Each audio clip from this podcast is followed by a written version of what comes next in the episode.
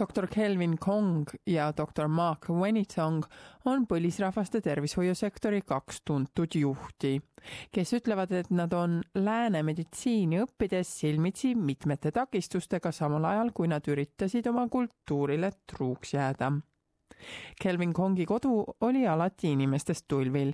tema ema Grace oli meditsiiniõde ning kõik tulid tema juurde, et vaktsiinisüste saada, haavu lasta kontrollida, plaastrit küsida või oma külmetust talle näidata üks tema lapsepõlve kõige värvikamaid mälestusi oli seista oma kaksikõega ema ees, et näha, kes valitakse õde Grace'i väikseks abiliseks families would come around, our cousins and their cousins, and um, lots of kids around. And it always been my sisters and I trying to fight over who's going to help mum first.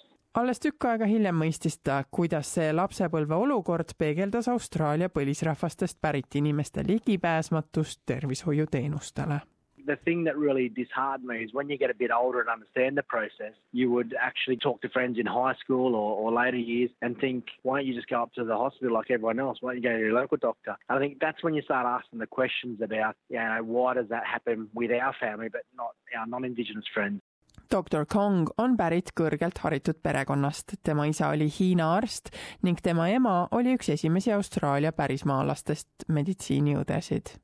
tema õed olid esimesed Sydney ülikooli aborigeenidest meditsiinikraadi saajad, mis omakorda andis talle innustust New South Walesi ülikooli arstiteadust õppima minna, kus temast sai esimene Austraalia pärismaalasest kirurg kongide perekond juba üksinda moodustab üks koma viisteist protsenti Austraalia kahesaja kuuekümnest aborigeeni päritolu arstist kuid hoolimata perekondlikust eduloost pole nende perel kerge olnud. doktor Kongi vanaema põgenes varastatud põlvkonna poliitika eest. kui ta kuulis, et perekondi rebiti puruks, otsustas ta, et tema perega nii ei juhtu ning nõnda kasvatas ta oma elukaaslasega kaksteist last üksinda ülesse.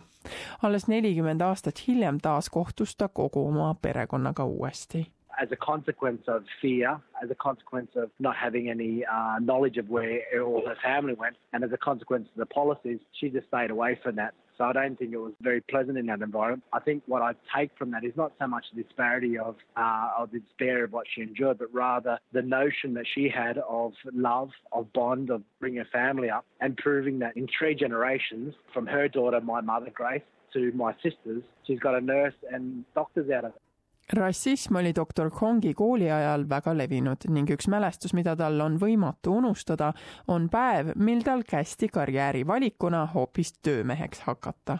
At that time it was hard and I actually reflect on that now and think if I wasn't told that, maybe I would have went in a trade. But the fact that someone told me I couldn't do something really challenged the um, the enthusiasm to actually prove this wrong see kõrva, nina ja kurgu spetsialist ütleb, et laiem ühiskond kipub põlisrahvaste esindajatest mõtlema kui ühest kuristikust ning neil arvatakse olevat kultuuriline staatus, justkui tavaühiskonnas neid edu ei saadakski. When we look at some of the mass media, particularly in recent years, we talk about alcoholism, substance abuse, welfare dependence, and children being neglected. When in actual fact, all of my friends, or none of my friends, Aboriginal friends, have been in any of these categories. And in fact, they're contributing to Australian society in an extremely uh, meaningful and a very proud way. And I think that's the reality rather than the perception.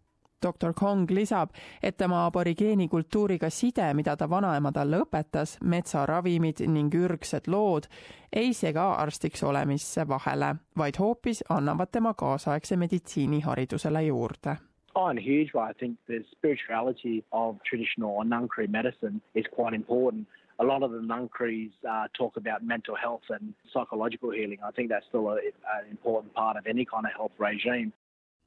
see uhke Warimi päritolu mees on tunnistus sellest, kuivõrd Austraalia ühiskond on aastate jooksul muutunud. ta jagab siin oma kogemust aborigeeni hõimuvanema hoolitsemise eest and she was in tears. She was just, you know, really overjoyed with being looked after by an Aboriginal doctor. Now, she didn't know me. She didn't know my family at all. It was purely the notion that we can achieve and we can do things, and she didn't think she'd live to the day to have that. Now, to me, that was so humbling to be in that experience with her, to share that, because you can imagine what she felt when she was growing up, for her to come to tears just by seeing a doctor.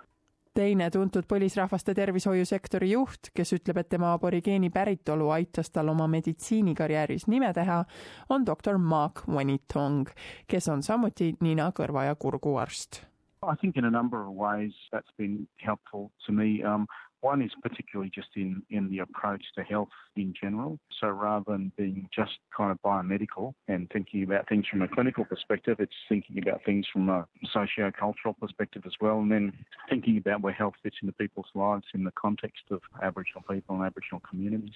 See rege bändi liige ja mitmeid auhindu võitnud muusikute Shakaya Local Knowledge and The Last Connection isa ütleb, et üks võtmetähtsusega asju on suhtlemine ning sinu patsientide olukorra mõistmine. I'm talking to one of the guys in prison about getting off the grog, I'll just say, you know, you have to get off the grog, mate. You know, your um, liver's stuffed instead of going through all of the liver function tests, um, which nobody really understands anyway.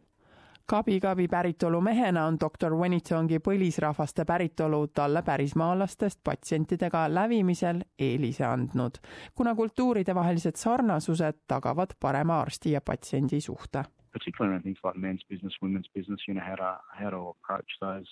If you don't have a good idea of how to um, approach some of the more sensitive issues, um, you probably limit the access of patients to your service and to yourself. So, understanding some of the ways to approach people means that they'll open up a bit more and you can talk about more sensitive issues um, more easily.